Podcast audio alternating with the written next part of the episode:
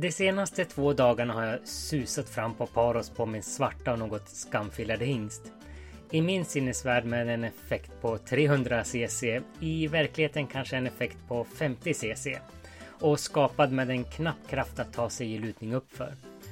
I min sinnesvärld har vi likt förarna i roadracing slickat kurvorna liggandes. I verkligheten har jag suttit rakryggad och sett folk gå förbi i högre hastighet.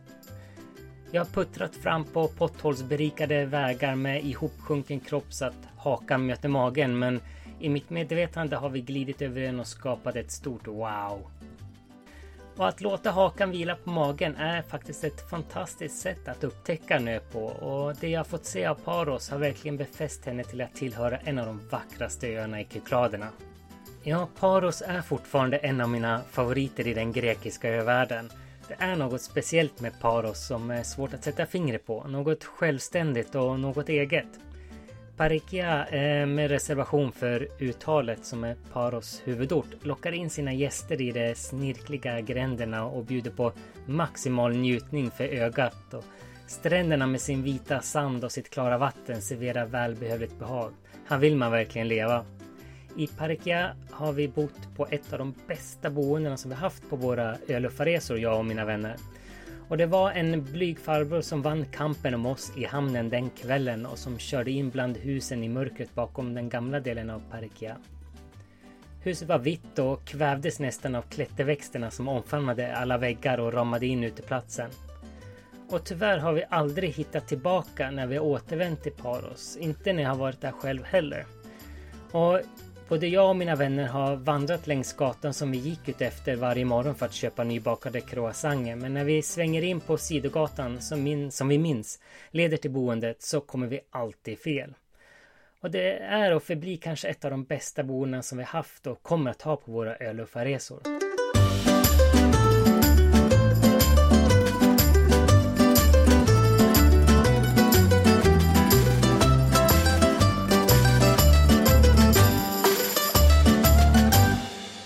Och välkommen till Öluffa-podden, din lots i den grekiska övärlden.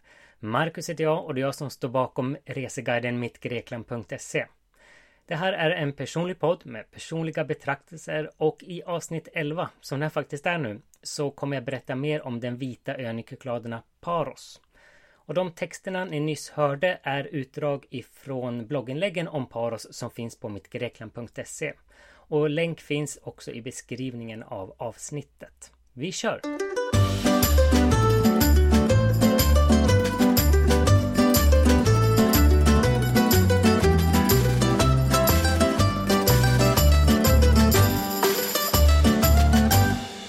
Ja, den vita ön ligger i hjärtat av Kykladerna och ger den resande alltså en behaglig upplevelse. Både när det gäller vackra stränder men också grönskande berg med dalar där olivträden dignar av mogna oliver.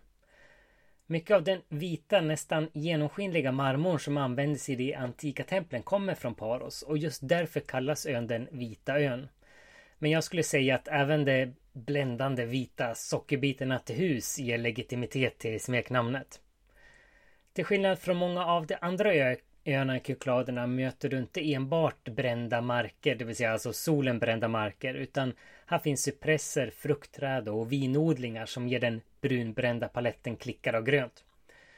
Och på Paros produceras framförallt olivolja och öns stolthet, det torra röda vinet Paros Botari. Och utöver dessa livsmedel är fisket en viktig del av näringslivet men den största inkomsten kommer förstås från turismen. Paros är Kykladernas fjärde största ö och har cirka 13 000 bofasta invånare och jag skulle inte ha någonting emot att vara just en av dem. Paros stora hamn eh, i Parkia är en av Greklands mest trafikerade hamnar och ger därmed oändliga möjligheter att ta sig hit. Det märks bland annat på antalet backpackers som nästan alltid stannar ett par nätter på ön under sin resa i ögruppen. Parikia är förstås öns centrum för handel och stadens gränder skapar ett snirkligt mönster som det är lätt att förvilla sig bort i. Precis det där som jag älskar när jag är ute på öarna och hittar små byar man kan vandra runt i. Stadens framsida mot havet erbjuder ett par fina stränder att svalka sig vid och det är lätt att känna att Paros och Parikia lovar allt som man kan önska sig. Bra stränder, god mat, historia, varierad natur och ja, ett visst nattliv också. Under högsäsong är det trångt om utrymme och det är svårt att hitta billigt boende. Men samtidigt är det lätt att ta bussen till Nausa eller någon av de andra små byarna längs öns kustremsa. Och där lovar jag att ni kommer hitta andra pärlor att njuta av på Paros.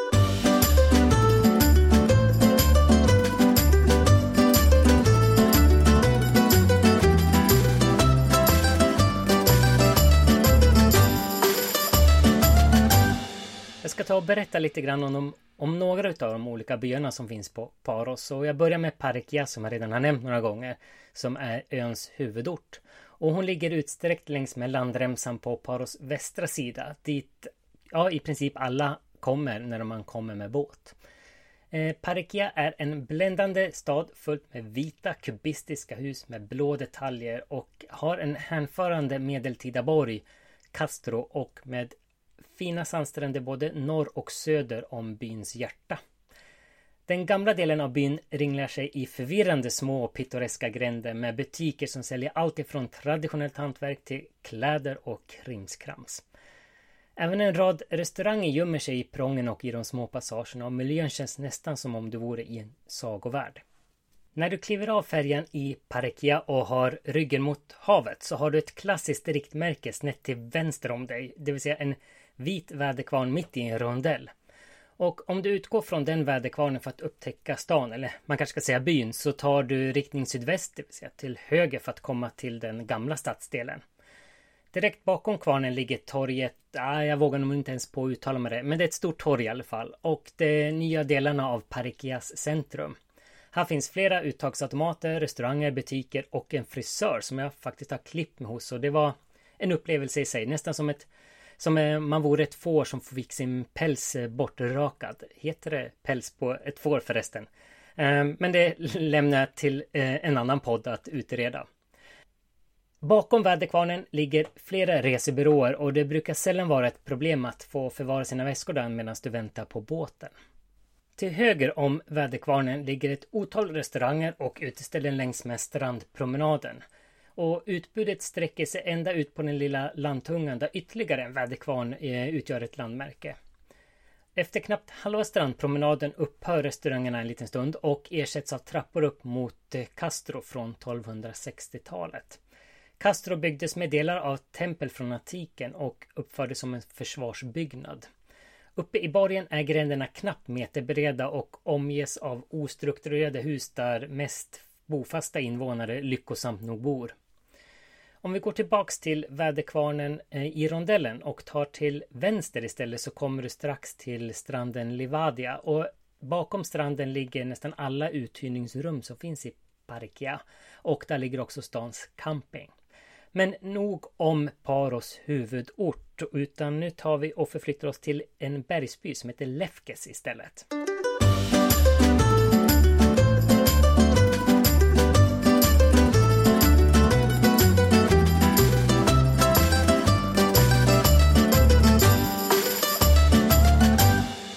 Lefke som eh, ligger i princip mitt på Paros är faktiskt Paros gamla huvudby och ligger en mil ifrån den nuvarande huvudbyn Parikia. Och jag skulle säga att Lefkes är en riktig kykladisk dröm när det kommer till bergsbyar. I alla fall i mina återkommande kykladiska drömmar. Och jag drömmer om vitkalkade sockerbitshus med blå detaljer och med en lugg av bougainvillea som löper längs takkanterna. Och i Lefkes blir liksom den drömmen sann. Eh, den smala gränderna i lutning ger dig, eh, tar dig genom en boningar och blommor fram till torg och återvändsgränder. Och Lefkes är liksom byggd som en amfiteater i början av en dalgång som vetter ner mot havet och ger en utomordentlig utsikt precis så som en amfiteater ska ge. Och eh, trots att Lefkes har varit Paros gamla huvudby så är det en riktig oas och de mest märkbara ljuden är vindens sus och en och en och annan pratglad turist. Och när du är på Paros så skulle jag säga att Lefkes är ett måste. Eh, åk dit och njut av denna kykladiska dröm. En annan bergsby på Paros som jag tycker är väl värd ett besök är Marpissa som är minst lika vacker som Lefkes och kanske till och med snäppet mer avskalad. Och anledningen är nog inte att lika många turister hittar hit och därmed inte heller den lilla kommersen som ändå finns i Lefkes. I Marpissa är det återigen de här riktigt snirkliga stenlagda gränderna som är en av de stora behållningarna. Och de tar dig genom en sagolik labyrint kantad av vackra vita hus med olika blomsterinrättningar. Och plötsligt så öppnar en plats upp sig och nya gränder leder i en rad olika nya riktningar. Och ja, Marpissa är verkligen värd ett besök och framförallt för dig som gillar att snurra runt i grekiska byar. Och det var också i Marpissa kanske åt den mest eh, särpräglade anrättningen eh, när jag var på Paros förra året och det var på Charolas Taverna som ligger mitt i byn. Och där beställde jag in en pastizio som är som en grekisk lasagne kan man säga.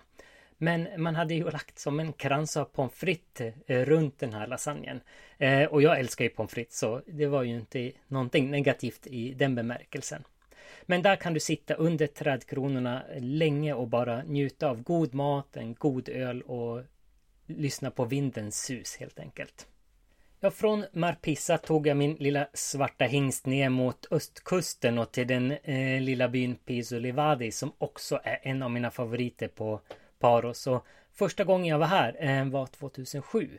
Eh, men en blå drink och en sen kväll suddade tyvärr bort de flesta minnena så därför passade jag på att besöka byn igen när jag var där förra året.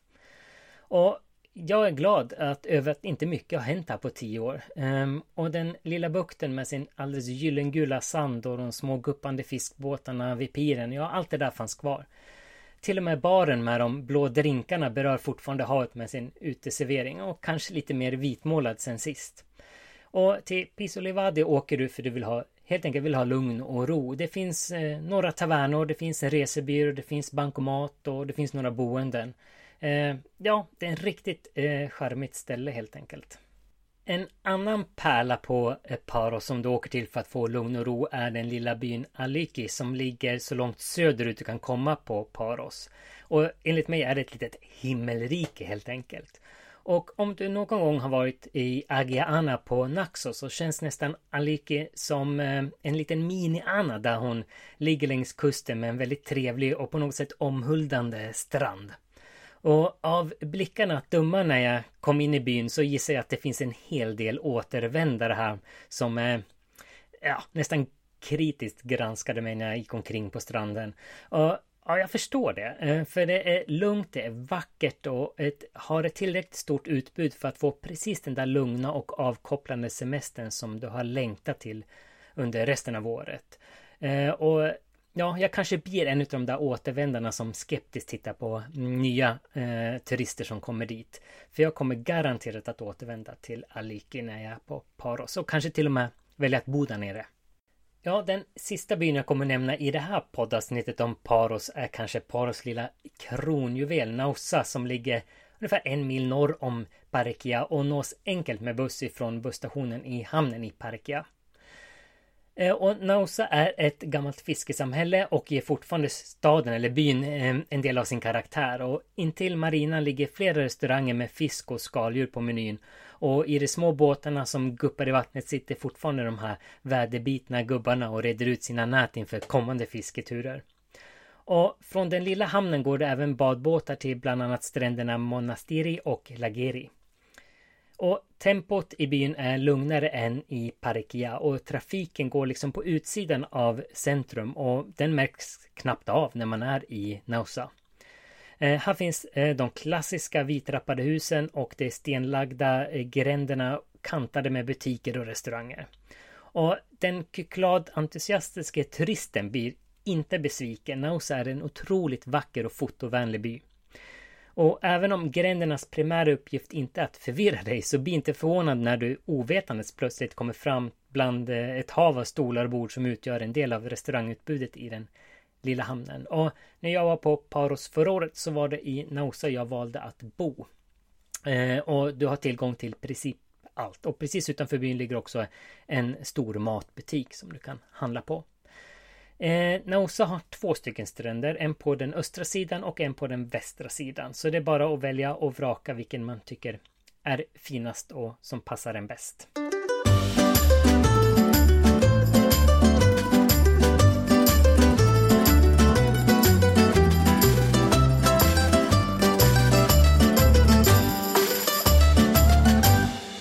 Apropå stränder så finns det gott om stränder på Paros och det finns både organiserade och oorganiserade. Och eh, det är klart att det finns stränder i många av de byarna jag har nämnt. Det vill säga i Parikia finns två stycken. Det finns i, två stycken i Nausa. Det finns i Aliki. Det finns i Pisolivadi.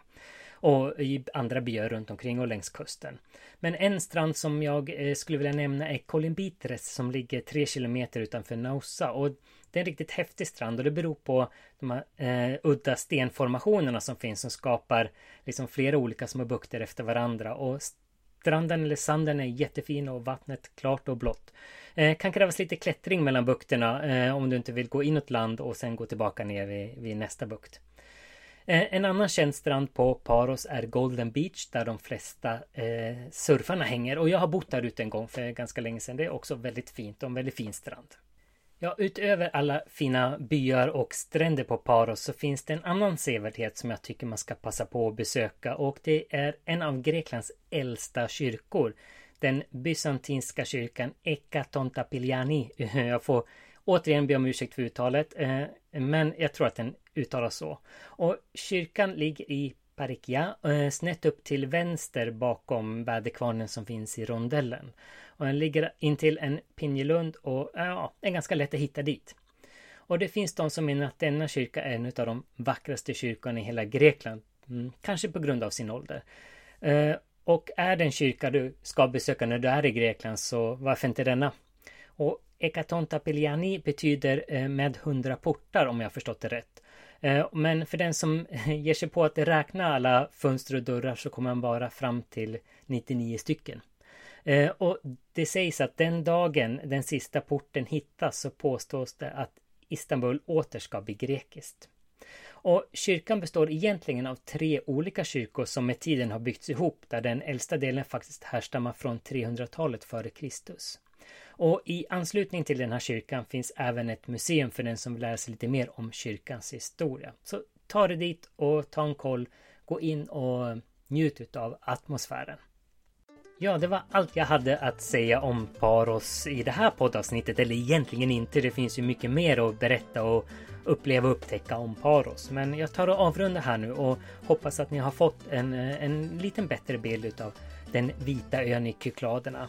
Och vill du veta mer om Paros och framförallt se bilder på alla de platser jag pratat om så gå in på mittgrekland.se, klicka på öarna, välj Kykladerna och sen Paros. I nästa poddavsnitt eh, är jag fortfarande inte riktigt säker på vad jag ska prata om. Det finns ett önskemål om Santorini, men ja, det var länge sedan jag var där och det kanske är dags att färska upp minnet och prata lite om Santorini som en av de mest välbesökta öarna i Grekland. Så tills dess, ha det så bra!